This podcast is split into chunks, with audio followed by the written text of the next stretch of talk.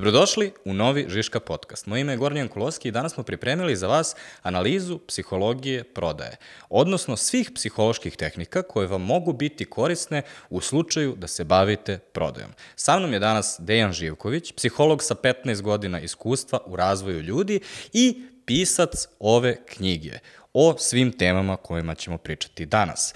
Sa Dejanom smo razgovarali o tome kako se gradi efikasno stanje uma, kako se uopšte postaje dobar prodavac, kako se gradi samopouzdanje, rezilijentnost, istrajnost i na kraju kako se prodaja razlikuje u zavisnosti od industrije u kojoj radite ili kulture u kojoj prodajete. Ako se bavite prodajom, onda morate poslušati ovu epizodu. Ako se ne bavite prodajom, onda ste se sigurno do sada zapitali zašto svi prodavci deluju kao da su iz istog kalupa. Zašto su svi nabrijani i zašto svi pokušavaju da vam prodaju ovu olovku? Poslušajte da saznate. Vi slušate Žiško podcast. Dejane, dobrodošao u podcast. Eh, dobar dan Gorane, zdravo, hvala ti na pozivu. E, šta će prodavcima psihologija? Uh, a, znaš kako, to je kao da me pitaš ovaj, šta će ribi voda. A, tako da prodavac, prodavac ne može da radi bez toga da poznaje psihologiju, to jest psihu ljudi pre svega, to jest psihu svojih kupaca, ali s druge strane, još ima jedna tu važnija psiha, to je njegova lična psiha. Zato što prodaje u stvari umni posao. I ti moraš u stvari, ako, ako ćeš da budeš dobar prodavac, ne samo da poznaješ, ko što rekao, već drugu stranu, nego možeš da poznaješ i sebe, znaš, da znaš koje su tvoje jače snage, koje su, to jest koje su tvoje snage, koje su ti slabosti, a možeš da znaš šta te pokreće, a možeš da znaš, da prepoznaš kod sebe kad praviš greške, kad preteruješ i slično. Tako da vrhunski prodavci su u stvari vrhunski psiholozi. Čak nekada i bolji psiholozi od nas psihologa u onom delu čitanja drugih ljudi, procenjivanja šta je ono što će da ih pokrene. Tako da psiho, prodaje i psihologija idu ruku pod ruku u stvari. A zašto onda prodaja važi za veoma ono, jasan, definisan posao gde ono, treba samo da odradiš, ono, pogodiš svoje KPI-eve, sales targete, imaš svoj scenariju koji pratiš i tako dalje. Važi za veoma predefinisanu oblast koja je veoma ukalupljena. A psihologija je opet veoma diskutabilna, sve zavisi od situacije i tako dalje. Kako Yes. su te dve stvari onda kompatibilne? Da, pa znaš kako, uh, prodaja ti više umetnost nego nauka u stvari. I u smislu tu prodavac uh, sa svojom ličnošću, sa svojim iskustvom i znanjem nekim dodatnim, može u stvari puno toga da donese novog. Naravno ti imaš tu KPI-eve, uh, imaš sistem koji te tera da ispunjavaš targete svakog mesta, meseca i sve to, ove, ali uh, šta je ključno? Ključno jeste kako ćeš ti to da ispuniš. Znaš, ti možeš da imaš target koji je nezgodan, koji je veoma izazovan, ali na tebi je onda da vidiš kako ćeš da ga ispuniš. Znači, da li ćeš da prodaš kao neki predator, znaš, dođeš, uzmeš pare i pobegneš iz dođa, ili ćeš u stvari da stvaraš dugoročne odnose. Tako da, ono što je problem, što uglavnom se priča, znaš kao i većini a, profesija, pričamo uglavnom onima koji su loši, koji su negativni, koji su, o koji, o koji su ono, napravili neki skandal i onda se o njima priča. Ovo se ne pričamo o tome koliko ima vrhunskih prodavaca koji to rade na pravi način. Ja sam ih lično upoznao dosta. Znači, uglavnom se priča onima koji su kao Vuk sa Wall Streeta. Ovaj, poznate, završili u zatvoru, pokrali ljudima sile pare, varali obične ljude i onda, znaš, i onda da zapisali knjigu, snimili film, glumi ih Leonardo DiCaprio i sad su još sales treneri. Tako da o takvim ljudima se više priča, ne priča se dovoljno onima koji stvarno lepo rade svoj posao, ne prave probleme, dobro njima, dobro firmi i što je najvažnije, dobro kupcima. Jer opet treba se vratiti na tu stranu. Ako firma, pazi, problem je često puta u firmama. Ti imaš možda ljudi koji bi radili na etički način, na dobar način, da brinu za kupca. Ali onda dođe direktor prode i kaže, brate, gde su moji 1000 evra mesečno? Znači, kad, ono, jesi ispuni, ajde ispunjavaj. I u smislu šalje poruku, nije važno kako ćeš, nije važno kako ćeš doći do rezultata, samo ga ostvari. I onda to šalje stavi poruku prodavcima, to je doka, nauka dokazala. Ako se tako firma postavi, onda će prodavci da budu neetički. To jest, neće biti važno kako će da dođu do cilja. I onda, I onda često, i zbog toga, bude i prodaja delo šablonski. I onda dešava se nekad mojim poznanicima prodavcima da im kažu njihovi kupci, u smislu, a sad kad sam tu upoznao, vidim da niste vi svi isti. Zato što stvarno nemaju šablon, naravno. Opet zavisi od prodaja. Prodaja postoji neki šablon, da ljudi ne bi se gubili, ali opet u okviru tog šablona postoji dosta prilike da ti ubaciš svoju ličnost i svoje neko znanje. A kako je došlo do tog stereotipa prodavca? Mm. Tako, ti si promenuo Jordana Belforta mm. i čuveni Sell Me This Pen.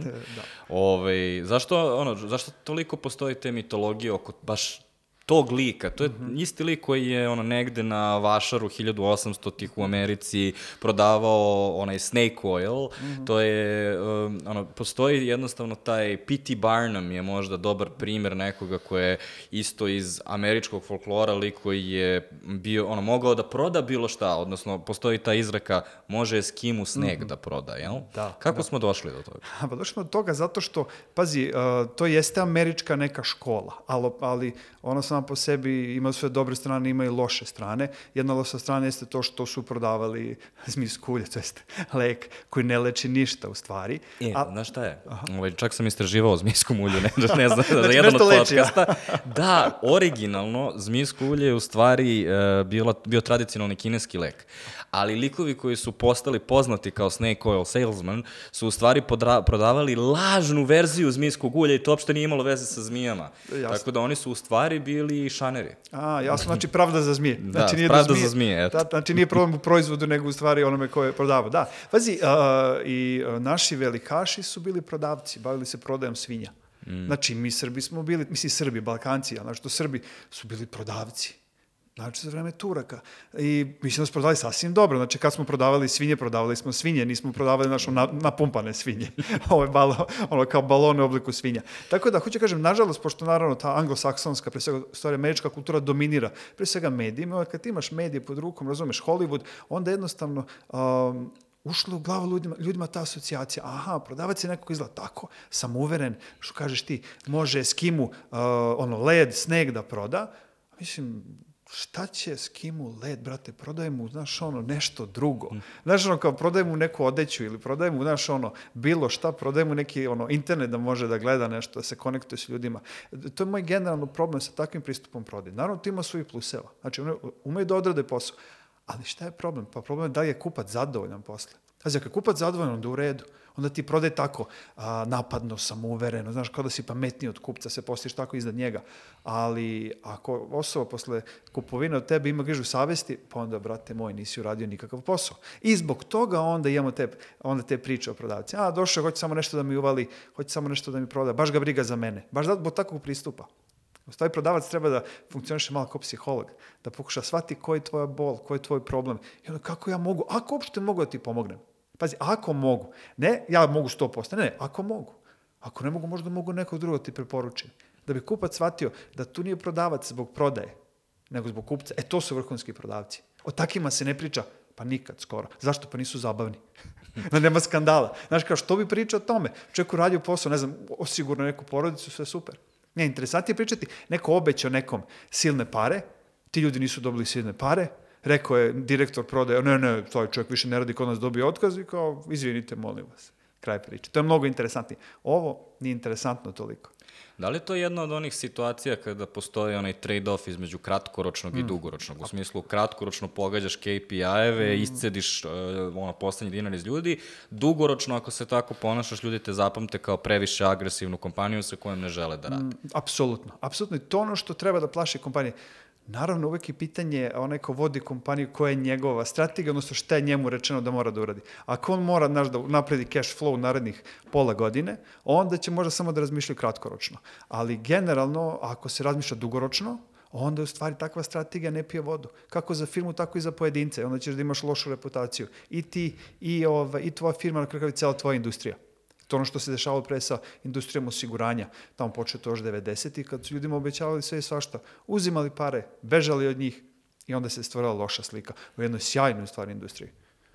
Ove, um, kada pominješ koje su dobre psihološke, koje su poželjne psihološke osobine jednog prodavca, pričaš o samopouzdanju, motivisanosti i tako dalje. Sad, nedavno sam baš čitao Bena Horovica, ovaj, knjigu Hard Things About Hard Things, i on priča o nek, njegovom ovaj, VP-u prodaje, zove se Michael Craney, eh, koji je na jednom um, sastanku internom izgovorio svojim prodavcima, bole me dupe za vas, ako ne donesete 500.000 u firmu svako od vas, upucaću vas do kraja kvartala.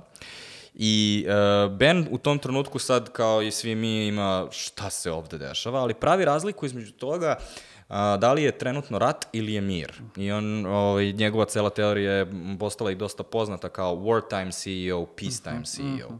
I onda on kaže, uh, ja sam možda dve nedelje u životu bio peace time CEO i zato mi je lik kao Michael Crane odlično odgovarao.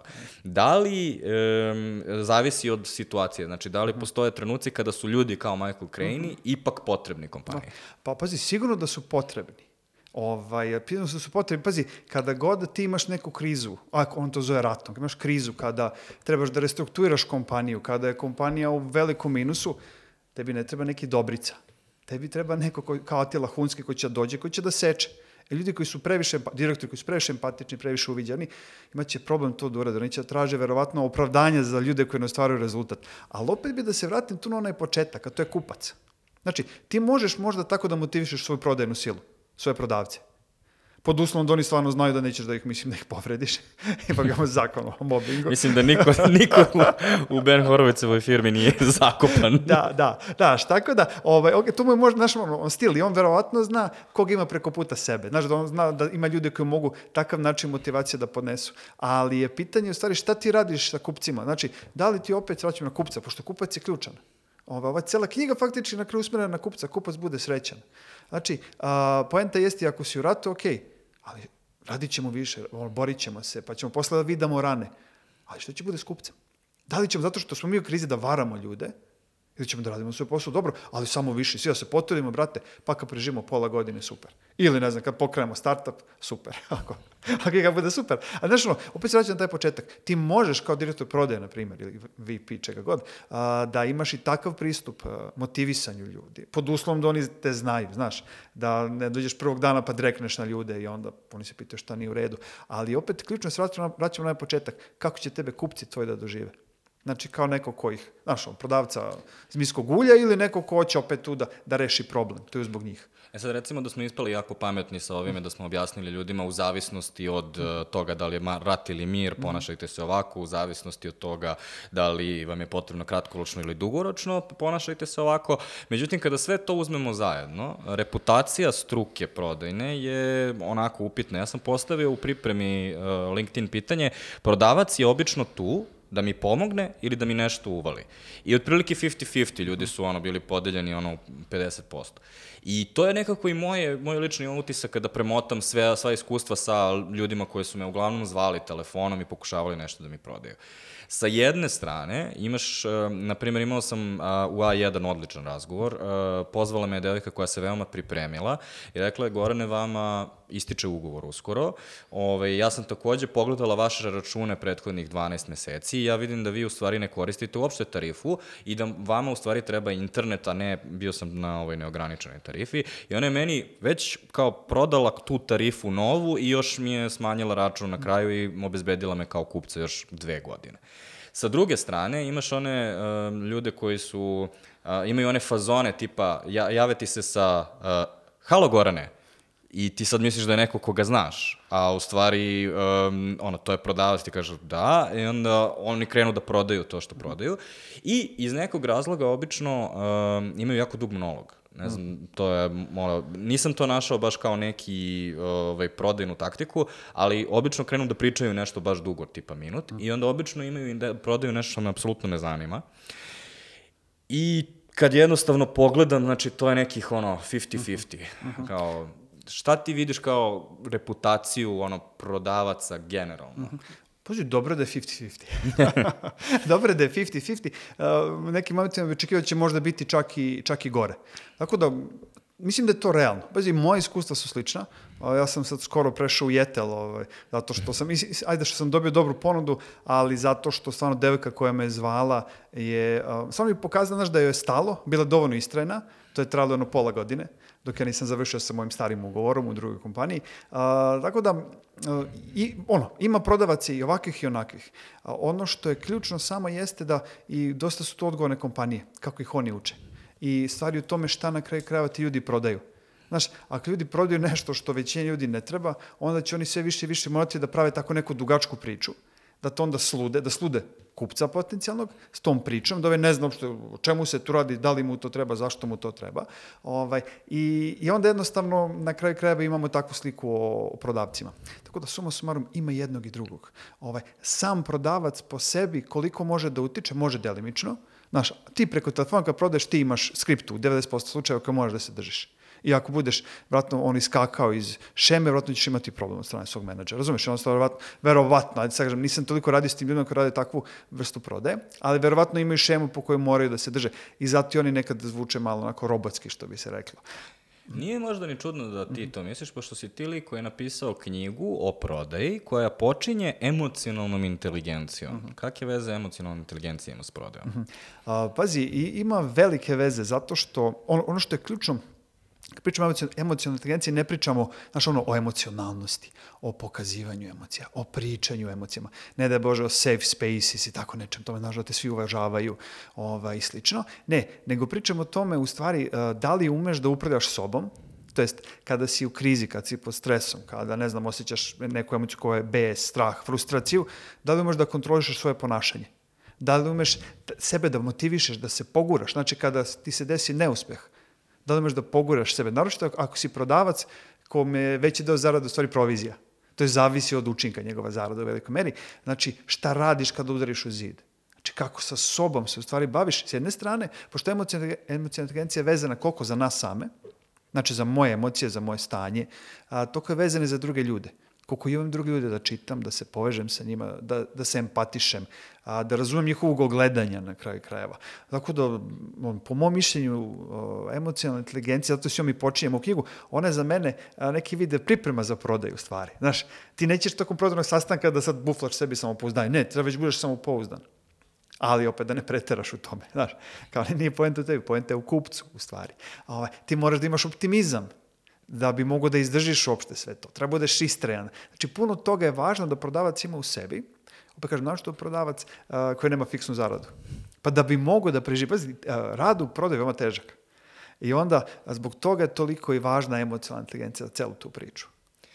A um, sad kad si pričao o emocionalnoj inteligenciji, setio sam se jedne stvari, a to je, uh, mi obično pričamo o njoj u marketingu kada pričamo o istraživanjima i intervjuisanju kupaca. I razmišljam se sada, uh, mi kao kompanije obično pošaljemo ono veliku flotu ljudi koji su prodavci da pričaju sa našim uh, korisnicima i onda ti ljudi ne, uspeju, ne uspevaju da prodaju to što ovaj, treba da prodaju i kao mi moramo da im namećemo KPI-eve i tako dalje. I onda dođe totalno drugi tim i kaže sad moramo da pričamo sa kupcima da smo ih boljih razumeli. Zašto jednostavno ne pitamo te prodavce što im ne uspeju da prodaju to? Jel se to nekad dešava? Misliš, što ih ne pitamo... Da li prodavci nekada mm, mogu da služe kao feedback kompaniji? Apsolutno. A, ako postave dobra pitanja, apsolutno. Oni mogu da ti budu ono, istraživači na terenu. Šta više, ima jedna i taktika. A, ti možeš da kreneš a, prodajnu priču, to koristi se verovatno, a, kao u stvari istraživanje. Znači, zoveš sve stare, postojeće kupce sa pričom u stvari da radite istraživanje o zadovoljstvu kupaca, i da vidite ove, koji su njihovi planovi, šta planiraju, koliko su zadovoljni vašim uslugama, ove, koji su njihovi planovi za buduće. Znači, kakve su njihove potrebe. I to onda može da bude uvod u stvari u celu prodajnu priču. Znači, suma sumarum, prodavci u stvari jako dobro znaju kupce. I oni bi trebali da budu veliki izvor u stvari informacija. To definitivno. A takođe trebalo bi da imaju i empatiju, zar ne? Apsolutno. E, pazi, kad pričamo tu empatiju, to je jako važno da se uh, razgraniči. Kada, uh, znači, šta empatija u stvari znači? Pre svega, Znači, u ovom kontekstu, razumevanje druge strane. Znači, da ja razumem, u ovom slučaju, tvoj stav, kako doživljavaš prodajnu situaciju, kako doživljavaš to što ti ja prodajem, da razumem tvoje potrebe, tvoje brige. Znači, ne znači moje saosećanje, ne znači ja treba da te žalim. Nego samo da, da razumem šta ste tebi mota po glavi. Pa to je ono beše razlika između empatije i simpatije. Da, e, bravo, tako je, tako je. To je, to je na engleskom, empathy and sympathy. Mi imamo više kao to. Na nama je simpatija ono u osnovnoj školi. Jeste, da. tako je. Neka vrca koja ti se sviđa. ovaj, a, a dok na srpskom to je više ono razlika među empatije i saosjećanje, ili možda još bolje, empatije i sažaljenja. Mm -hmm. Znaš, kad se sažaljavamo nekog, nema tu empatije. Znači, prodavac ne treba da žali svog kupca. To ni, makar čak i kupac kuko da nema para. Mislim, ok, ajde da pričamo, pa vidjet ćemo, ok, imaš paru redu, ako nemaš, nema. A nije poenta da ga, da ga žalim, nego da vidim da li mogu da pomognem nekako. Um, ja kad, pošto ja sam inače prodavac ovaj, u Žiški, ovaj, to tako ide, ono, naš, ovaj, sve što niko ne želi, to ode kod ovaj, direktora. E, I ono što ja vidim je u stvari da postoji uvek trenutak, ti objasniš Čak i mi, mi obično prodajemo na pičevima, koji su, znači, ono, dobili smo bukvalno A4 format, raspisano šta sve treba i mi smo napravili prezentaciju od 100 slajdova koja objašnjava kako ćemo to da rešimo i tako dalje. Međutim, čak i pored sve, sve te razmene informacija, desi se neki trenutak na sastanku kada jednostavno osetiš da postoji neka zadrška sa druge strane. Uh -huh. I u tom trenutku moraš da osetiš da ta osoba ima zadršku i da nađeš način kako da pušuješ to, odnosno kako da pitaš a šta vas tačno sada brine, jer na tom sastanku se dešava rešenje toga. Ako ti posle toga pustiš da to nerazumevanje i taj strah koji neko ima um, se nastavi, onda se neće rešiti tri nedelje kasnije kada dođe neki Excel i tako dalje, sve to, sve to ide dalje. Tako da moj osjećaj je da empatija dosta pomaže mm baš na sastanku, na u tom trenutku, kada se lome stvari. Mm, o, apsolutno, apsolutno. E, zato mora prodavac da ima radar u stvari za emocije druge strane, znaš, da, da skenira, mm -hmm. što nekad nije lako. Ali da skenira drugu stranu, dobro će pažnju na govor tela, dobro će na, znaš, ono, sve vreme sad to kod nas dvojica sedimo, pričamo, sve kod u jednom momentu ja Znaš, to je već znak da nešto potencijalno nije u redu. Ne mora da znači da nije u redu, ali nije dobar znak. I ako ostanem u toj pozi, Znači da si ti nešto rekao, sam se ja zatvorio, nešto mi ne odgovara i da bi trebao da proverim, ok, kao Dejane, šta se sad desilo, da li se ok, ko imate brige, da li nešto brine, plaši u vezi naše ponude, da li sam nešto dovoljno dobro objasnio. Tako da jeste, znači, neophodno je bukvalno to raditi, ono, skenirati se, obraćati pažnju. Znači, šta, šta neka biti problem? Generalno s ljudima kad rade prezentaciju, um, kao da zaborave na publiku, nego kao da uđu samo u svoju priču i onda budu kao glumci na bini. Znaš, a nisi ti glumac, ti si tu zbog publike u stvari. Pa ono sa čime ti nastavljaš svoju knjigu je građanje efikasnog stanja uma. I mm -hmm. većina ljudi kada pomisli mm -hmm. efikasno stanje uma, to je ja sam svoje nabiflao i sada ću mm -hmm. veoma brzo da pričam i veoma glasno da pričam i da te bukvalno on, izboksujem mm -hmm. da na kraju prihvatiš to što ja prodajem. Ali ti u stvari tvrdiš to nije mm. efikasno stanje uma. Šta jeste? Pa ne, znaš kako, uh, efikasno stanje uma je, je svaš. Znaš kako, najbolje stanje uma jeste ako mi smo da se povežemo s drugom stranom. to je ono što je ključno. Znaš, da se, što bi Engle, Englezi, Englezi, Amerikanci svi rekli, taj rapor da se stvori između nas, ta neka veza. Ove, znači, to je jedna strana. Ali s druge strane... Ja bih, ja bih te samo zaustavio. Aha. Kako bi tačno preveo taj rapor? Kako? Aha, evo ovako. Razumevanje? Mm, po, razumevanje je prisutno. Obostrano razumevanje. Znaš, to ti onaj osjećaj bliskosti i poverenja, ali nemamo realnu osnovu od ranije. Znaš kao, mhm. kad imaš to osjećaj, ono, kao baš se s nekim dobro kontaš, ali znate se samo 30 minuta i možda manje. Znači, to je neka osjećaj kada ti osoba na neki način bliska, krećeš da i veruješ baš zbog te bliskosti, Možeš da se otvoriš, tako otvoreno je, komuniciraš. Tako je, tako je. Iako, objektivno, znaš samo osobu 30 minuta i nemaš, inače, niti ono, to tvoja lična praksa da se posle 30 minuta otvaraš ljudima. Ali se njemu si se otvorio ili njoj zato što ti je nekako legla. Ono, kao da, što bi rekli, to totalno nije psihološki izraz, ali vibrirate na istim talasnim dužinama. Znaš kako mi to, ja mislim, obično prevodimo u industriji? Znaš ono da mi stalno drndamo o tome kako je poverenje jako bitno između uh mhm, -huh, klijenta i mhm. agencije. Čuo si to sigurno. Uh mhm, -huh. E, ja mislim da u stvari tačnije to rapport, uh -huh. ne poverenje, nego uh, okrenuti smo ka istom mm, cilju mm, mm, zajedno, taj osjećaj. Rapor je, mislim, čak jači od poverenja, u stvari. Da, da upravo si. Korisniji u biznis Jes, kontekst. definitivno, definitivno. Um, zato što, znaš, vi ste bukvalno ste jedno. Ja lično, pošto moji klijenti 99% slučajeva su firme. Znači, ja se stvarno trudim o, mogu bi da, da ih anketiram, da proverim, ali se trudim u stvari kao da oni moći kao da sam deo njihovog tima, kao neko ko sedi kod njih, iako ne sedim. Znači ja sam tu s njima da pomogam da oni ostvare svoje ciljeve a nisam tu da bi im prodao neki moj kurs ili moju obuku.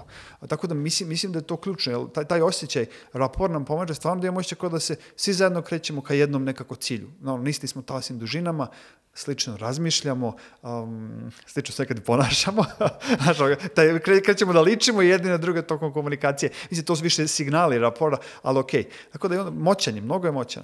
Dobro, sad znamo šta nam je cilj, taj engleski mm -hmm. rapor nam je mm -hmm. cilj, ovaj, ali kako dolazimo do efikasnog stanja uma koji nas tamo dovede? Mm -hmm. A pazi ovako, to je uh, kombinacija više toga, znači da bi prodavac mogao uopšte da dobro radi svoj posao. S jedne strane mora da veruje u sebe U stvari, pazi, mora veruje u sebe, ali mora da veruje u svoju firmu, mora da veruje u to što prodaje.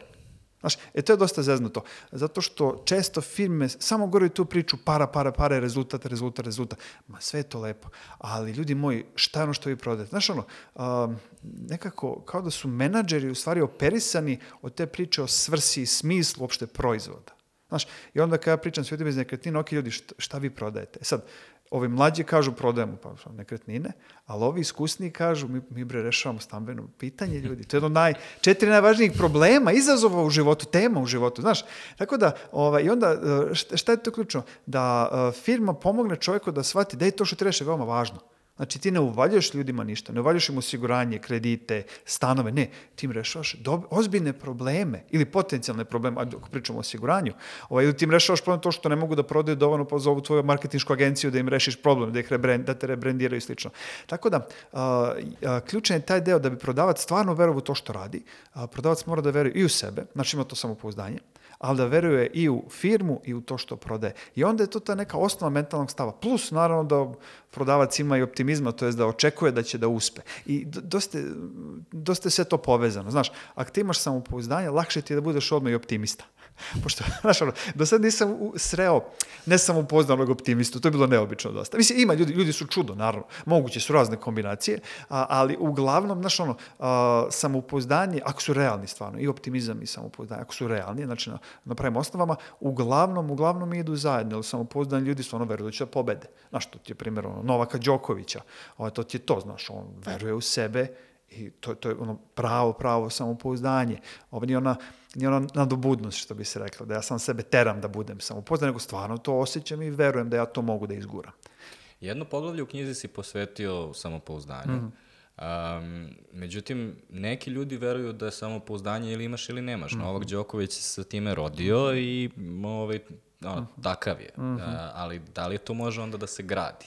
Pa može, pazi, uh, mi bi stvarno, bilo bi interesantno proveriti u stvari njegov stvarni mindset kod Novaka Đokovića, još kako on razmišlja, kako on razmišlja od svoje, ne znam, sedme godine pa do dan danas.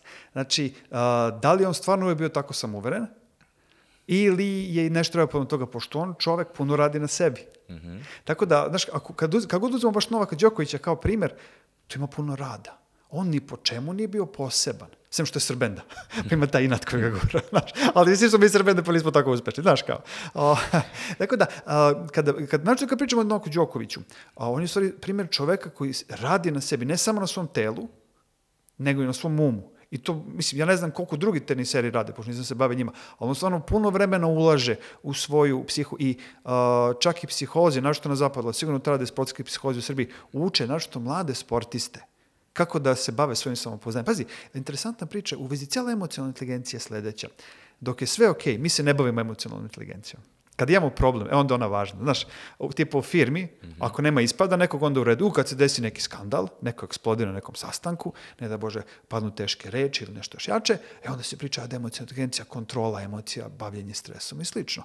A, isto tako se samopouzdanjem. Kad ga imaš sve u redu, E, problem je što radiš kad ga nemaš ili kad se poljulka. Pošto samopouzdanje, znaš, nije, ne mora da te prati celog života, da bude na istom nivou. Možda se poljulka. E, šta onda radiš kad se poljulka? Šta radiš kada te, ne znam, tri kredita za redom odbiješ? Šta radiš kada tri meseca ne ispuniš planove? Znaš, ono, Dobro, i ka- šta je recimo nešto što možeš da uradiš? Ja, kada moji, za moje samopouzdanje, najbitnije je da se dobro pripremim. Znaš onu američku frazu, ono, seven P's of, of success. Proper prior planning prevents piss poor performance. I ja sam taj lik, kao, ako sam ja, ako ja znam šta je taj, uh, čak nije ni poenta da ja vežbam samu prezentaciju, nije javni nastup ono što mene brine. Nego ako sam ja siguran da smo mi ispoštovali brief i dovoljno dobro odradili to što nam je bio zadatak, ja onda mogu sa samopouzdanjem da uđem u neki sastanak. Međutim, a, ako je sve bilo, ono, zvali ste me u posljednji trenutak, ja u stvari menjam nekoga ko se razbolao, ja sad pokušavam da skontam šta da ovde, treba, ovde piše, a u stvari nemam pojma i ni uopšte ne verujem u ovaj predlog i loše smo ovo odradili. To meni stvara ono, ja tu gubim samopouzdanje, onda mucam na sastancima i onda to sve izgleda loše. Znači, za mene priprema je najvažnija. Siguran sam da je to jedna od stvari, ali šta su još neki saveti koje možemo ponuditi ljudima kako da izgrade svoje samopouzdanje? Ajde te prvo pitam, kad nisi pripremljen, šta onda radiš? Kako se snađeš? Um, jako, re, ono, jako redko nisam pripremljen. Ove, Šta bi uradio onda? Zato što, ovaj, pa, ono, krenem da se pripremam. Znači, kao, do nivoa, uh, mislim da mi je u životu najbrža priprema bila to jutro. Ovaj, bio je jako veliki ozbiljan predlog koji smo radili za ovaj, jednog klijenta u staroj agenciji. Ja to jutro dolazim, sastanak je u jedan, ovaj, ja dolazim i ovaj, kažu mi da ću ja prezentovati na sastanku, nešto što uopšte nisam ja radio. Ja sam u tom trenutku samo otkazao sve svoje obaveze i do trenutka dok sam u taksiju sa svima ostalima, ja i dalje vrtim tu prezentaciju i pokušavam da skontam šta je, dopisujem neke delove slajdova, improvizujem i tako dalje. Moj, moj eto, ovaj, um, lični način kako se nosim sa time je da malo razmišljam, puno radim koliko god mogu i onda dođem i kao, dođem na sastanak i kao, e sad je. jasno, jasno. Pazi, na kraju krajeva, verovatno opet ti o toj prezentaciji, to je ponudi više znaš nego ciljna grupa, ali tako? Na to se nekako izvodim. Pa da, pazi, on- na kraju krajeva to je ono što je ključno u takvim situacijama. Znaš, što ja isto držim pre, prezent- predavanje, ja uvek se pripremam. Makar držam neko predavanje koje sam držao sto puta i uvek moram dan raditi, to je moja rutina. Čak i prođe, malo prođem onako, ne razmišljam toliko o publici, nego koliko razmišljam o samom sebi, šta ću da kažem, šta ću da uradim. I to mi, to mi ubacuje neki flow, ovaj, da, daje mi neku sigurnost i stabilnost. Uh, ono, ono što, šta mogu ljudi još da rade, znači sem te pripreme, jeste da budu svesni da oni stvarno više znaju od druge strane uvek. Znaš, znači ne ideš kod profesora. A, a čak, i ako ti se desi da druga strana nešto zna više od tebe, šta ćeš da uradiš? Rećeš im svaka čast, odlično pitanje. Odlično pitanje i drago mi da ste to spomenuli. Eto, nismo na to obratili pažnju, sad ćemo da vidimo, ja bih rekao i onda se nadovežem na to što su rekli. Znači, nego jednostavno, ako ima stvarno neka osoba koja toliko puno zna u publici, svaka čast, gospodine, ne znam, direktor marketinga, ovaj, svaka čast, odlično pitanje. Razumete, ono, Vidiš, kod nas postoji, uh, mi to zovemo, opet engleski izraz beating a dead horse, odnosno udaranje mrtvoga konja. Uh, I to se jako često dešava kod nas u industriji. Um, ovaj, nekako postoji očekivanje, možda je to kulturalno, možda je to neki m, prethodni talas biznisa, ne znam zašto, ali ljudi kada dođu sa predlogom, mi se bavimo kreativnim poslom, dosta stvari može da bude, a i ne mora. Mm. Ono, neke stvari su krucijalne, ali dosta stvari koje tu stoji na vizualu možda ne mora da bude tu, ne mora da bude te boje i tako dalje. I postoje neki ljudi koji imaju instinkt da brane po svaku cenu svaku stvar. Aha. I uh, to je nekako, smo mi primetili da i naši praktikanti kada dođu imaju taj, tu inerciju, odnosno to im je kulturalni default. Uh, I onda postoji bukvalno u, ovaj, na, ovaj, u savetu za, imamo neku listu saveta za kako se ovaj, prezentuje, prodaje i pravi predlog i tamo stoji nemoj, ono, ako klijent kaže nešto što je pametno, reci super, promenit ćemo, idemo dalje. Kao ne treba da kao pogineš na tom brdu kada je, verujem, bit će još celo rat kasnije. Do, a, to je to. To, to je apsolutno to. A, to, je, to je jako dobra strategija generalno a, za međuljudske odnose, znaš. A to što šta se dešava? A, ti, to ja zovem ono psi, o, psihološki aikido. Uglavnom kad dobiješ kritiku od nekog, kogod da je to, može biti supruga, Ove, ako ti, ti kreneš da se braniš, u stvari ti daš drugoj strani samo snagu, zašto će nastaviti da te napada. E, ali ako ti kažeš da u redu, ono, odlič, ono, odličan je vaš komentar, slažem se, osoba gubi snagu u stvari. Nema, nema ono, faktički više potrebu da te napada i gubi tu neku energiju i onda možda nastaviš dalje i lakše možeš da rešiš problem. Tako da, apsolutno to. Ono što još ovaj, ljudi mogu da urade jeste, ak- ako im se desi da, znači imali su samopouzdanje, sad ga nemaju da se sete sebe. Šta bude problem? Nekada ljudi kada a, izgube samopouzdanje, kada im se desi neki neuspesi, koji možda ne moraju imati veze uopšte sa poslom, nego privatno se nešto gadno desilo, kao da zaborave ko su i šta su. Znaš, i onda samo ovako. Samo vide taj problem, taj neuspeh. Zaborave ko su i šta su. I onda bi sad i tad trebalo da, da se sete koje su sve uspehe do sada ostvarili. Znaš, tu ne pričamo o onome fake it until you make it. Ne, ne, nego seti se, u stvari, ko si. Znaš, prizovi, prizovi u sećanji, proživi ono poslednji uspeh, kad si dobro pičava nešto, kad si do, dobru prezentaciju održao, kad si prodao nešto veliko, i to, to dozovi u, u svoj um, da bi se onda prizvoji taj osjećaj u stvari. Znači da pobediš taj osjećaj ovaj, u sebi, a ne da govoriš sebi ja sam najbolji, ja sam sjajan. Mislim, nije to loše. Pazi, ako imam izbor da govorim sebi ja sam nikakav ili ja sam najbolji, bolje da govorim sebi ja sam najbolji. Mislim, samo to je banalna taktika, ali je mnogo bolja od one negativne da sebi govori nikad ništa od mene, moj ćale je u pravu, neću uspeti, dobit ću otkaz, nikad neću da se zaposlim i slično. Ali nisu to dva jedina, dve jedine opcije. Ono što kod nas ljudi jako često rade jeste da pokušaju da kreiraju gomilu besa u sebi, ali nekako besa sa strane prema, Neko ono, drugi. sad ću da ga razvalim, na primjer, često kažu I, to. I to je okej. A pazi, šta god, mislim, prodavca ili preduzetnika pokreće je okej. Znaš, ovaj, bitno da ga nešto pokreće. Naravno, samo poenta opet kako s tom osobom komunicira, ona neće da je razbije, ali šta god da nas, čak i da nas pokreće inat, To, je- to je sasvim okej, znaš. Ili već uh, želja da se nekom dokažemo. A vidiš, moje, moj osjećaj je da u tom trenutku ljudi jako teško dođu do flowa, a pričali smo o tome, odnosno toka, ovaj, uh, Mihali, Čikset Mihali, koji je napravio ovaj, tu teoriju da je to posebno stanje uma u kojem su a, naše misli i naše akcije a, ovaj, dovoljno poravnate da sve vodi ka nekom istom cilju, odnosno sve je kao neki tok u reci. I to stanje je ono što osjećamo kada um, ono, igramo basket i kao zaboravimo da uopšte driblamo, ali sve je toliko in tune. Ljudi kada voze, obično osjete stane toka, ono, to nije nešto, ono, sve ide prirodno. I u slučaju da kreneš sa time uh, što sam besan i kao pokidaću ga sada, jako je teško da dođeš do stanja toka, pogotovo u biznisu, jer u biznisu u stvari nemaš tih ono, velikih um, trenutaka koji se pojavljuju recimo u Suits ili drugim serijama, gde kao ja sad dođem i onda ispadnem jako mačo na sastanku i kao prospem neku mudrost i kao o, imam okršaj sa nekim. Znači ja sam u biznisu 10 godina, nijedno mi se nije desilo da imam taj razgovor kao što ima Harvey Specter koji je u fazonu sada ću da izvodim tvoj potpis i nemoj više da si mi se ikada javio. Kao, mm, to, to, mm, jednostavno nismo toliko bitni zaista. Elem, ovaj, uh, htio da te pitam, uh, sada kada smo objasnili ljudima kako dolazi do samopouzdanja, Ovaj, da li je to samopouzdanje samopouzdanje osobe ili je samopouzdanje prodavca? Znači, da li je to samopouzdanje koje prodavci grade, može da postoji samo u trenutku kada prodajem, pojavim se na poslu, sad sam jako samopouzdan, ili moram da radim na svom ličnom samopouzdanju koje je tu i kada prestanem da radim. A, pazi, u načelu bi naravno bilo najbolje da ja, ja generalno imam samopouzdanje vezi sebe samog. Znaš, da imam veru u sebe. A, I to je ono najzdravije samopouzdanje. Pa šta je samopouzdanje? Vera u sobstvene sposobnosti. Znači, vera u to da mogu da ostvarim svoje ciljeve. Vera u to da mogu biti dobar u bilo kom aspektu svog života. A, da, ima ljudi koji imaju samopouzdanje vezano za posao ili u ovom konkre- konkretnom slučaju za, za prodaju, a, zašto su možda nab- nabiflali, istrenirali da budu tu samopouzdani, ali idealno jeste u stvari da oni imaju samopouzdanje koje je generalno ono vezano za njih lično, kao za njih za osobu, ovaj, da to onda samopouzdanje mogu da primenjuju bilo gde. I kada rade u prodaju, i kada možda neka će nešto drugo, ne, nekom drugom stvari da se bave. Znači, generalno to neko a, samopouzdanje vezano za našu ličnost u kompletu je mnogo bolje. Naše, zato što je jače, zato što je adekvatnije, zato što je realnije na kraju, kraju i sve obuhvatnije. Um, a sad nešto što mislim da ljudima neće biti toliko blisko. Šta je uopšte rezilijentnost? Aha. Znaš kako, rezilijentnost je mentalna otpornost. Odnosno, a, kada stvari idu po zlu, to je kada ti se desi već problem, a, neka nedaća, kriza, ne da Bože tragedija, kako reaguješ? Znači, da li se slomiš?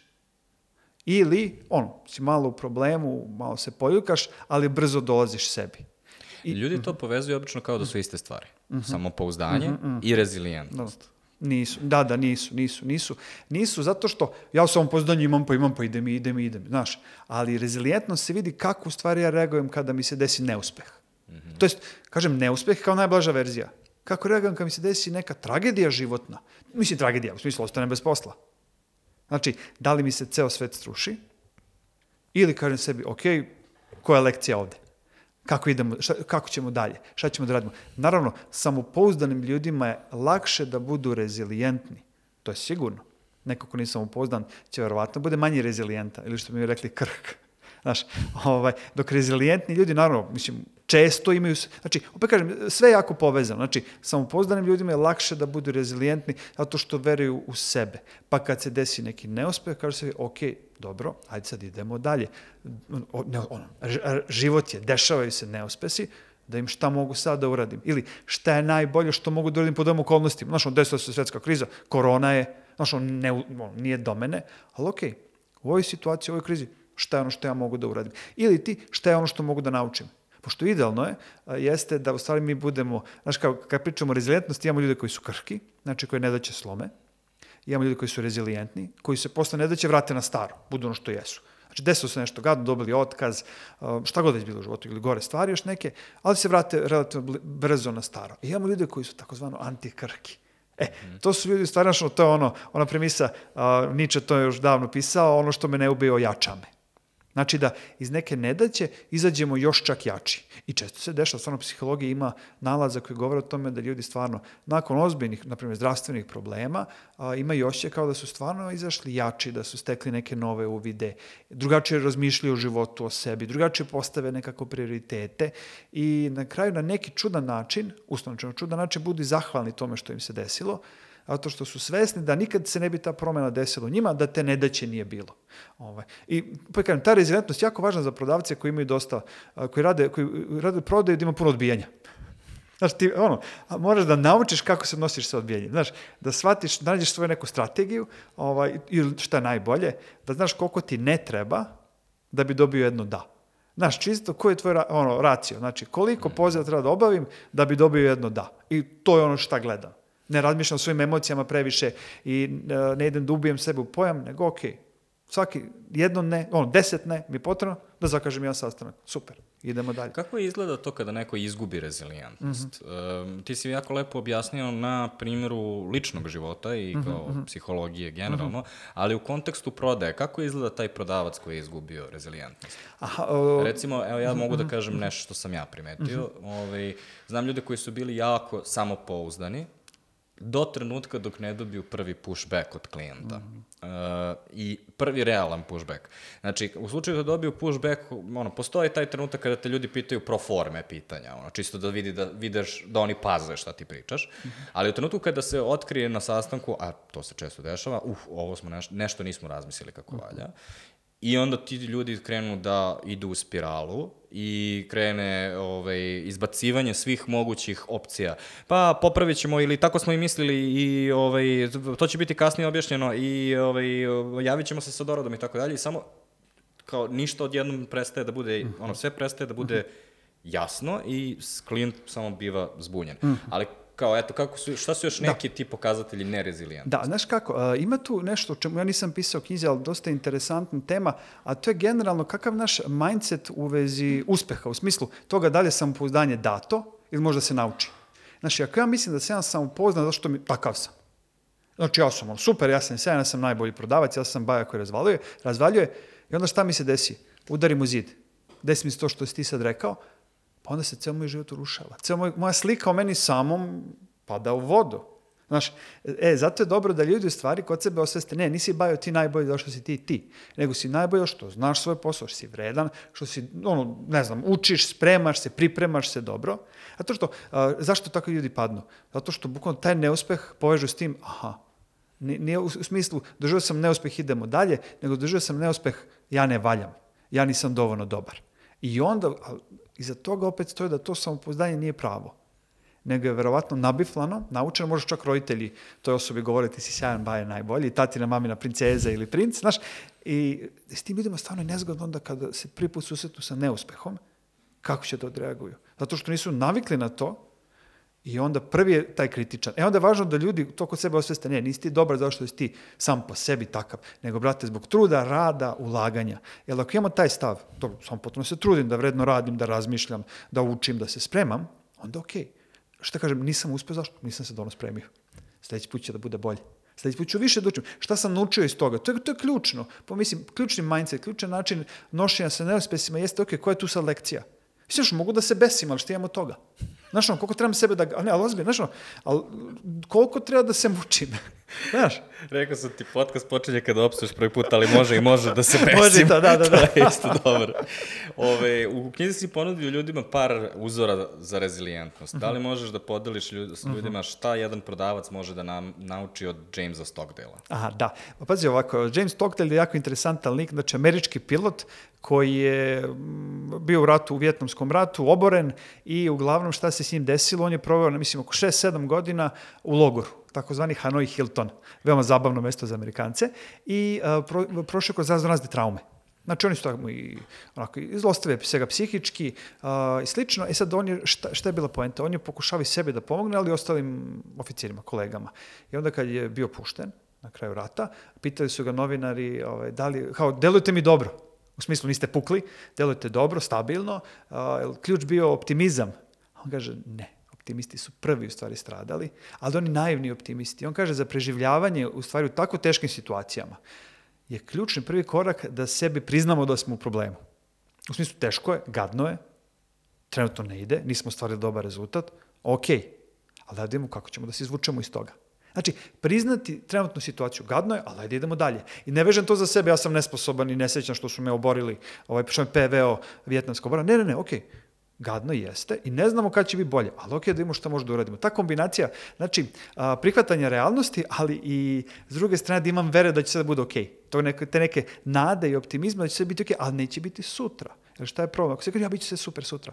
Šta ako dođe sutra ne bude super?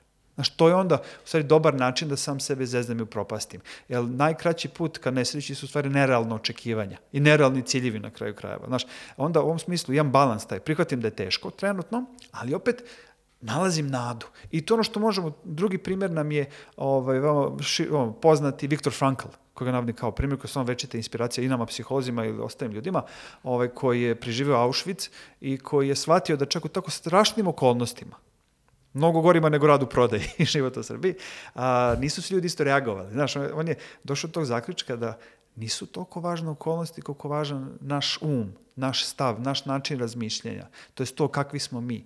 I on je došao od toga da sve šta je rekao, ja to, to nikad neću zaboravim, on je rekao, nisu se svi isto ponašali robijaši. Neki su se ponašali ko svinje, a neki ko sveci. Znaš, I onda on istraživa te svece, istraživa te koji su delovali zdravi, koji su bili rezilijentni, otporni, i, i mentalno i fizički, pazi, i, i fizički.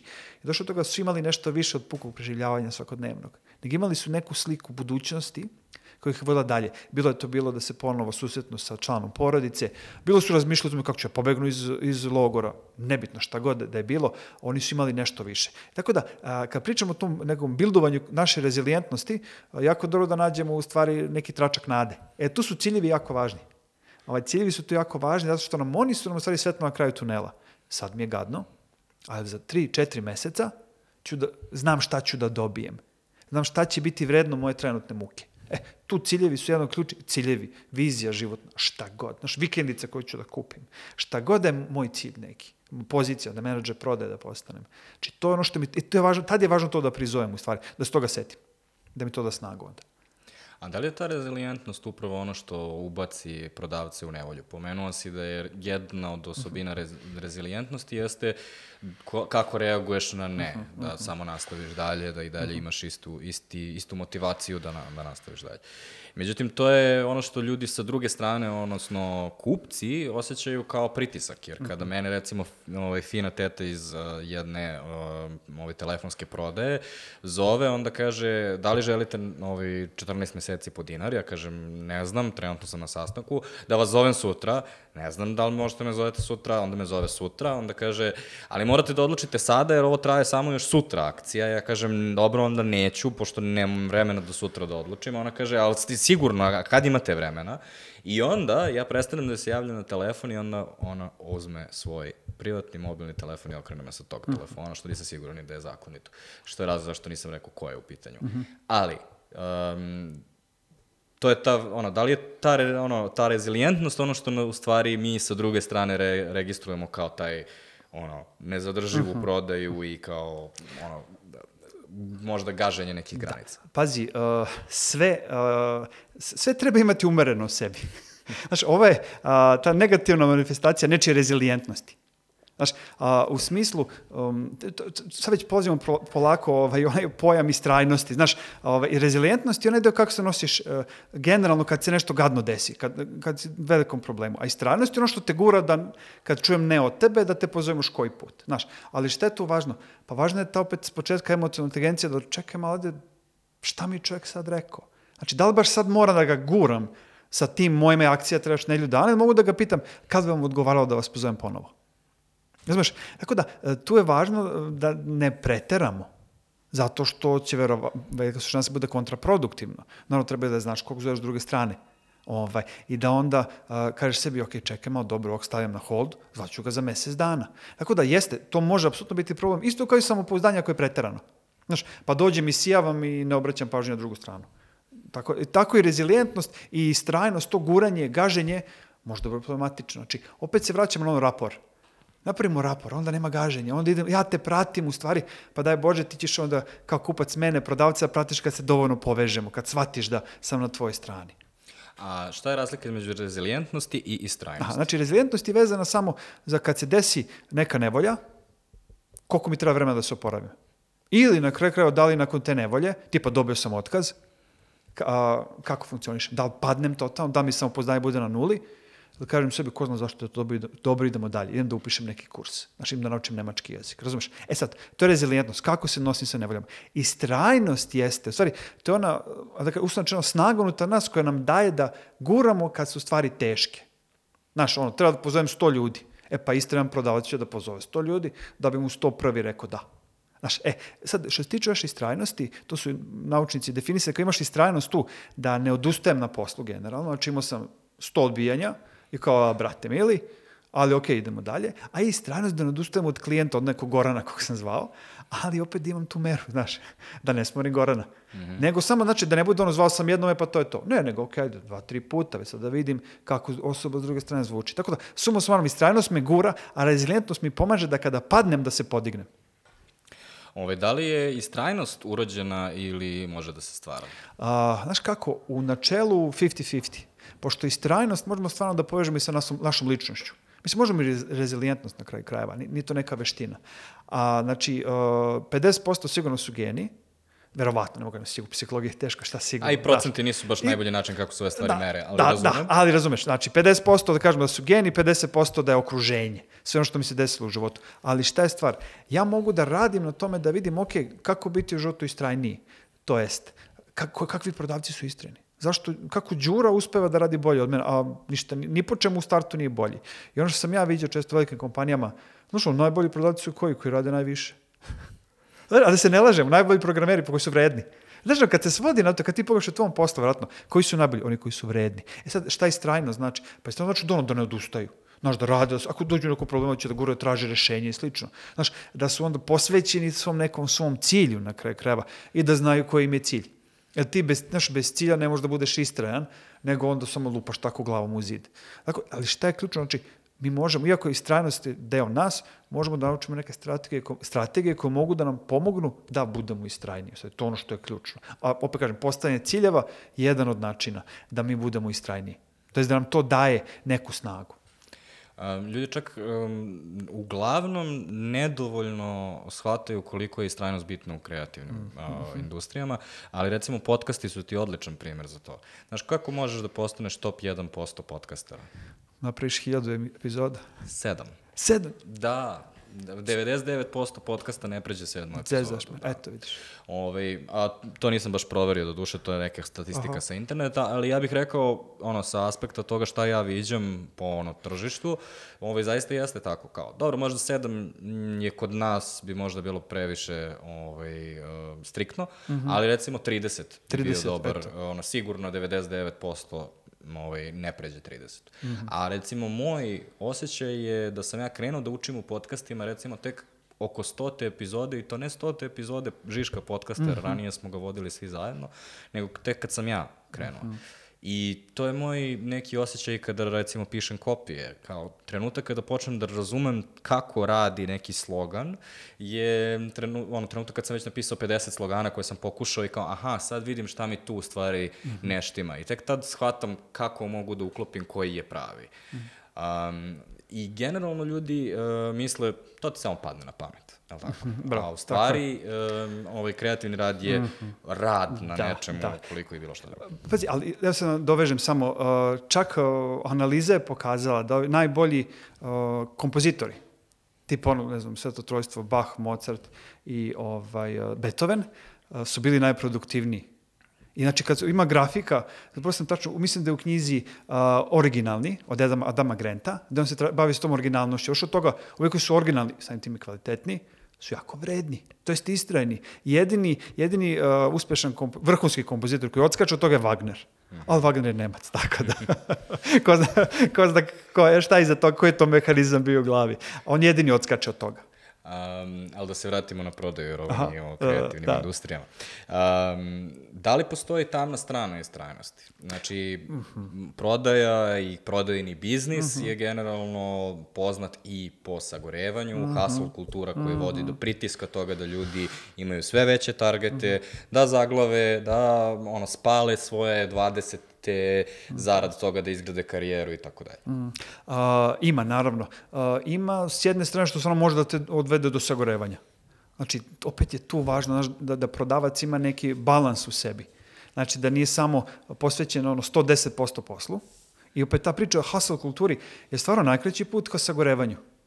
Ja mislim da uopšte nije dobra. Znači, to što nekom Gary Vee nešto radi, koji bilo šokantno što on rekao kao da je proguto ne znam koliko hiljada žvaka. Znaš, zašto? Da ne gubi vreme na to da mora da pljuje žvaku, znaš, pošto je računo.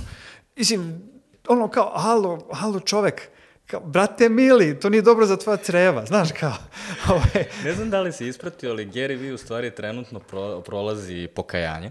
Ove, ako preslušaš neke njegove skorije intervjue, um, on je trenutno sa istom onom energijom, sa kojom je nekad pričao te priče, sada priča o tome, morate se posvetiti porodici, porodica je na prvom mestu i tako dalje. Kao, čekaj, zar nisi ti liko je rekao da radiš 20 sati, kada imaš vremena za porodicu? Da, Onda- da, Ali ne, bukvalno je, ovaj, shvatio je da to više ne pije vodu i e, onako ima jedan pokajnički put ovaj, da pokušava da ispravi sve te stvari. ne znam koje da je rekao. spalio knjige i snimke onda sve. Ne, ali e, ne znam da li znaš, on ima jednu jako zanimljivu stvar, on reciklira svoje stare a, videe i onda izvuče video od pre šest godina, ali recimo kurira te videe koji su, nisu ti suludi videi po kojima je postao poznat. Ali takođe kao dosta je promenio pesmu danas kad, kad ga vidiš. Ono što ja i dalje cenim kod njega je što ipak, um, ipak uspeva da uh, prati digital kulturu više nego drugi autori, uh, što je meni izuzetno vredno. I onda ja mogu da kompartmentalizujem i da kažem, ok, od njega ću mm. saslušati šta misli o tome da je Facebook, re, Facebook Reels, što većina ljudi zaboravlja, ali da je to najpropuštenija prilika mm. trenutno, jer niko to se ne stidi da koristi, a tamo je i dalje nekih 700.000 ljudi u Srbiji, na primjer. Ove, to je kao meni, recimo, stvari koje on donosi. Ali da, slažem se što se tiče ovaj, njegovog prethodnog opusa da je ono izuzetno problematičan, ali ne znam da li si ispratio, ima trenutno novi, ovaj Alex Koromozi.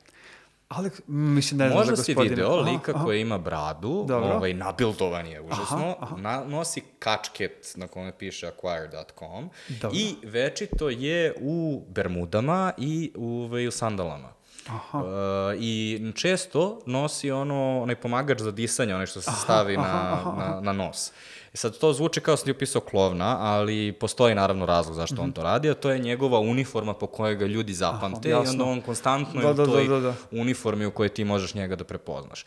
I on ti je trenutno, ja ga kontam, kao Gary Vee uh, za uh, malo pametno, ono, no, ono, malo smo postali pametniji Mhm, svi. Znači, on um, ti kaže da hasluješ, ali ti objašnjava ono, u nekim normalnim terminima zašto je i recimo on ima baš taj uh, govor o tome koliko ljudi pro, ovaj, podcenjuju, koliko je teško doći do prodaje, na primjer. Kaže, ovaj, ljudi pretpostavljaju kad ih pitaš kao, pa deset puta ću da pozovem pa će neko da mi odgovori da će da kupi nešto. On kaže, ne, kao pogledajte koje su industrijski standardi, to je oko 3-4%. To znači da moram 100 puta da pozovem možda da bi mi prvi taj pristao, pa da onda taj neko me kaže, pa da taj neko uđe u sledeći put, pa da dovedem do 3-4%. I većina ljudi odustane na 20. I recimo, eto, to je način na koji on radi isto što je i Gary Vee nekada. Da. Um, Pazi, ali još sve je ključno, ti možda bude si istran, a da ne odeš u ekstrem. Mm. Znaš, i to je ono što je poenta, ovaj, i znaš šta je to još najgore? Zato što onda poruka bude koja? Nisi uspeo što se nisi dovoljno trudio. to je mračna, znači, treba da se trudimo, naravno, ali, znaš, ono, nije samo stvar toga, treba i strateški da se trudimo. Znaš, kao, i to je sjajan početak, šta ja znam, koliko mi treba potencijalnih klijenata da bi ja stvarno zatvorio jednu prodaju, da li to 60, 70, da je to 100 poziva, nebitno, ovaj, da, ja, da imam ja strategiju, sve znači da ne radim, ono, ne, no, ono, don't work harder, work smarter, znaš, raditi pa, pametno u stvari, to A je strateški. Taj, e, na engleskom se to čak i rimuje, grit or quit. Kao, grit je istrajnost, quit je odustati i ovaj, onda postoji neki balans. E, U isto vreme, e, tačno je da ljudi prerano ovaj, odustaju, A, ali tačno je da ljudi i prekasno odustaju. Ovo je sad e. ma, pomalo absurdno. Ali ono što želim da kažem je, ljudi e, pocenjuju da koliko je, vreme, koliko je potrebno da okrenu telefona, recimo, da bi se nešto desilo. Pocenjuju koliko je epizoda podcasta potrebno da bi se napravilo. Pocenjuju koliko je kopija potrebno da se napravi. Ali u isto vreme će da četiri godine pišu po četiri, pet kopija i da onda pitaju se zašto im nije dobar kopija i tako dalje. I neće to promeniti, kao neće promeniti taj sistem koji su napravili. A cela poenta je pokušaj, pokušaj sve snage zaista, brzo zaključi da li radi ili ne radi i onda promeni to što ne radi. Da, da, tako je, tako je. I ono što će onda biti nezgodno, na primjer, kad sad pokušam dojem nekog velikog klijenta i uložio sam u to šest meseci, ima onda zamka ona, koliko sam vremena, nesvesno ljudi sebi kažu koliko sam vremena uložio, sad ako odustanem, to je katastrofa. Sad nekad treba biti svesno i sebi, ok, od ovog klijenta ja sad dižem ruke, više nema smisla, a vuč, držim se njega samo zato što sam uložio šest meseci vremena. Znaš, jednostavno, zato što onda stvari vezujem svoje resurse, svoje vreme i energiju za ono, a jurim u stvari Moby koji nikad neće da se pojavi u stvari. Znači ne, nešto što neće da se ostvari u stvari. Recimo da smo u ovih prvih otprilike sat vremena zaokružili neki uh, sistem saveta kao kako treba raditi prodaju. Imam sada dve, dve stvari koje menjaju suštinski sve što smo pričali do sada. Prva je koliko su dobre prodajne prakse kulturalno uslovljene. U jednom trenutku smo pričali o Amerikancima i kako Amerikanci imaju taj veoma siloviti kaubojski stil prodaje.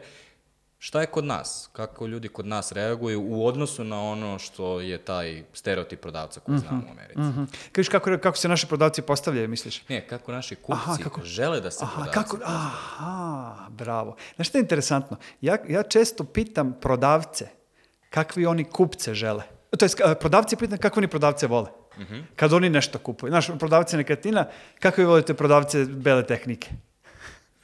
E, Znaš koji je ono meni najbolji izraz? Znaš ono kad imaju dve korpe, crna korpa ne pita me ništa, crna korpa žel, crvena korpa želim pomoć. Eto. Da, da, da. E, bravo. Znaš, tako da, uh, generalno, redko ko od nas želi tako nekog dominantnog ko će da dođe, da nas isprepada, da nas izvoza i slično. Šta hoće neko? Ko će da bude tu, ako mi treba, da mi da odgovore na sva pitanja, ako imam pitanja, da me puno ne smara, Znaš, da me puno ne smara, a da mi pokaže da hoće, da je tu da bi mi prodao, to jest da bi mi pomogao, a ne da bi prodao. E šta je nezgodno? Kada ljudi prodavcu očima vide pare.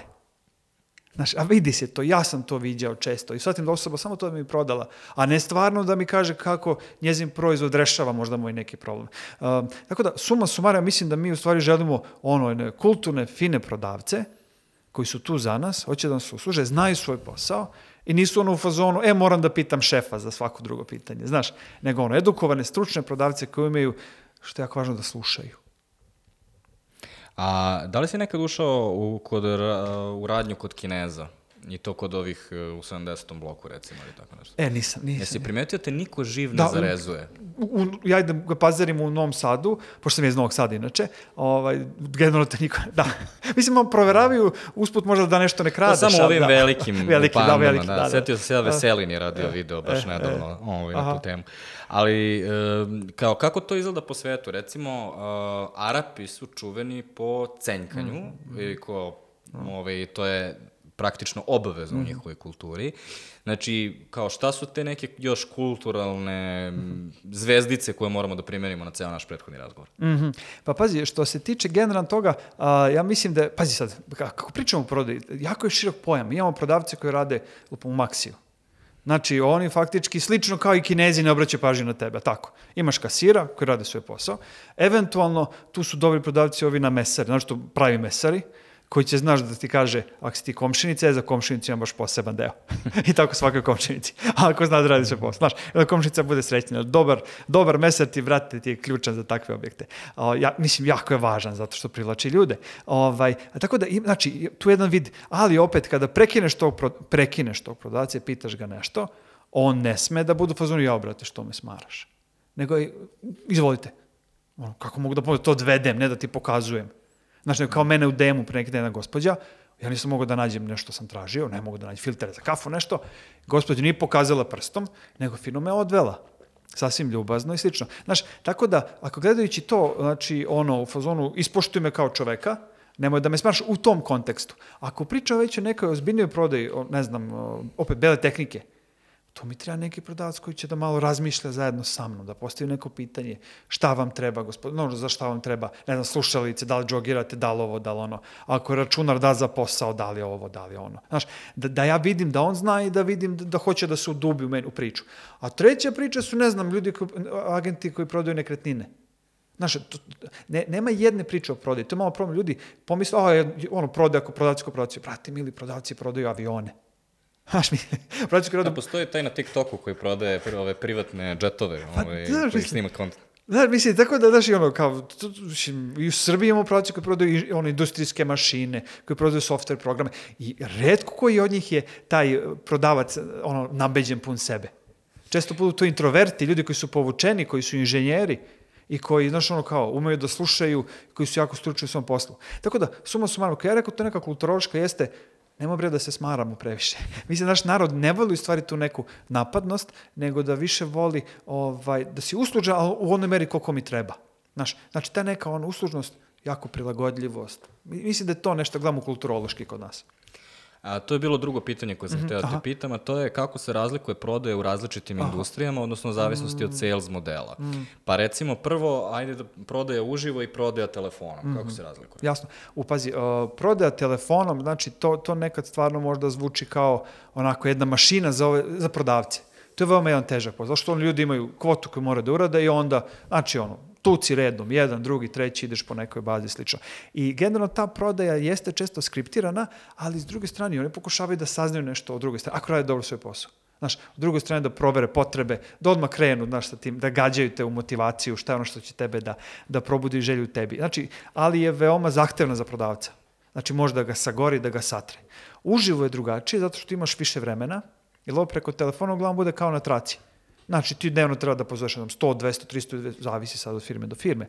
Ovaj, uživo je to već sad druga priča. Naravno ako pričamo o prodavcima koji prodaju drugim firmama. E, to je onda druga. Tu je onda uglavnom stvar u izgradnji odnosa. Mislim, to je ono što i ti radiš na kraju krajeva. To, sam, to je druga stvar koja je neka Da. linija koju vidim, Da. recimo FMCG, znači stvari kao što su grickalice, sokići, jeste.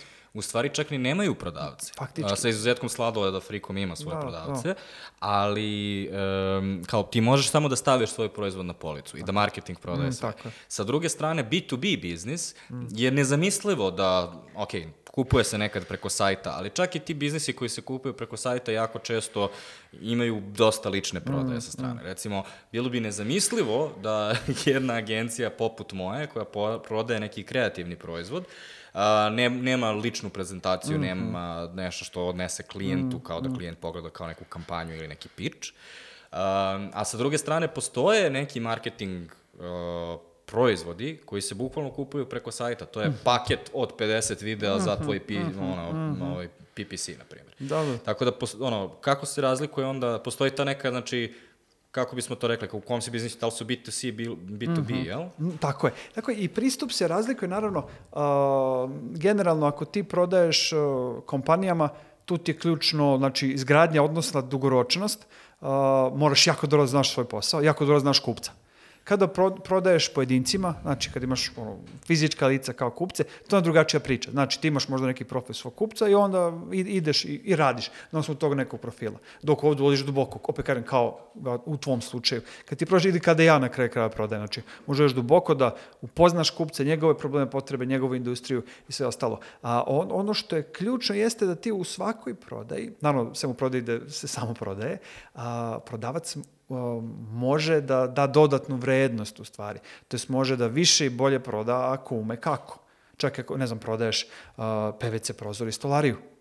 Znači, ok, ljudi hoće prozor, ali naravno, ne, pošto nemaš samo jedan prozor, imaš više verzija, od, ve- od uh, uh, veštine prodavca će onda da zavisi šta će kupac da kupi i kako će to sve Ja u proći. stvari imam odličnu priču baš za PVC prozore koje si mi sad podsjetio. Ja živim na visokom prizemlju.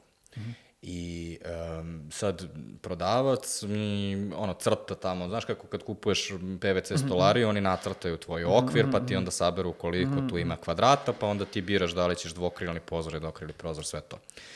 I negde u tom check listi njegovoj stoji folija. I kao, hoćete foliju? Ja ga pogledam kao, ti stojiš u mojoj sobi, vidiš da nemam zavese, jer mrzim zavese, i instaliraš mi PVC stolariju i ne setiš, me da, da, da, ne setiš se da mi kažeš da imaš proizvod koji je jedno, ono, jednosmerna folija, da ja ono, mogu da zaštitim, da se vidi, da ulazi sunce, a da se ništa ne vidi s polja. I ti mi to tek kažeš na samom kraju. Kao, bukvalno, znaš, kao, baš si mogu da vidiš da, da sam idealan kandidat za tako nešto. Um, ali poslednje pitanje za tebe. Ovaj, uh, pitam za drugara, ovaj, ili imaš neku ideju kako da se prodaje podcast? O, Šalim se. pa da ima, imam, imam raznih ideja, dogovorit ćemo se. Šalim se. Hvala ti puno što si se pripremio ovaj, i podelio ovu priču sa našim uh, slušalcima.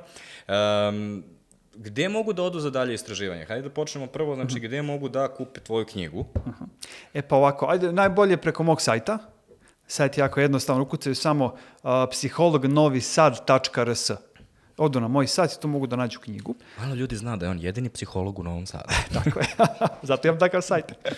to je, ja sam prvi psiholog koji se setio da, iskoristi to, taj domen. Ovaj, znači, mogu preko mog sajta, mogu tu i da kog interesuje, na primjer, neki trening, pošto ova moja, obuk, moja, moja knjiga je bazirana na mojim treninzima. I sve su ovo praktično, zna ko, kome, kome treba za njegovu firmu, njegove ljude trenizi, također mogu meni da se jave na temu psihologije prodaje. Ono što je jako interesantno, znači dodatne, to jest neke knjige koje mogu biti interesantne, jeste sigurno uh, uticaj uh, od Roberta Cialdinija, Znači, to je legendarna knjiga. A, tako, iako teško je naći trenutno da možda se kupi na Ti si srpskom, možda se druga kupi na osoba engleskom. koja preporučuje tu knjigu kod nas u podcastu, E, tako da morat ćemo da nađemo mi da je nekako uvezemo. No, To, a, to a, i može, na primjer, Give and Take od Adama Granta. On je to pod naslove kao nova nauka uspeha. Da kaže u stvari, ovo jako interesantno, zbog naše, početka naše priče, da su, ko su u stvari uspešni prodavci? Oni koji daju više nego što dobiju. Oni koji će čak da ti daju, tipa neku informaciju i savet, čak i ako ne žele trenutno ti prodaju i ne moraju da ti prodaju, ali na duže staze im se sve to vrati.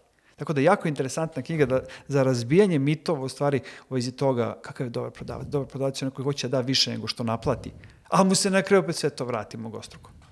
Dejane, hvala ti puno na razgovoru. Hvala tebi, Goran. A vi čuli ste kako vam Dejan preporučuje da se dalje informišete o prodaji, a još jedan način na koji to možete da uradite jeste da zaređate naš YouTube kanal ili naše audio kanale i tamo pronađete epizodu broj 146 o KPI-evima sa Milošem Skokićem ili e- epizodu broj 174 Call to Action sa uh, ovaj Nenadom Vukušićem koji je u toj epizodi preporučio Čaldinija.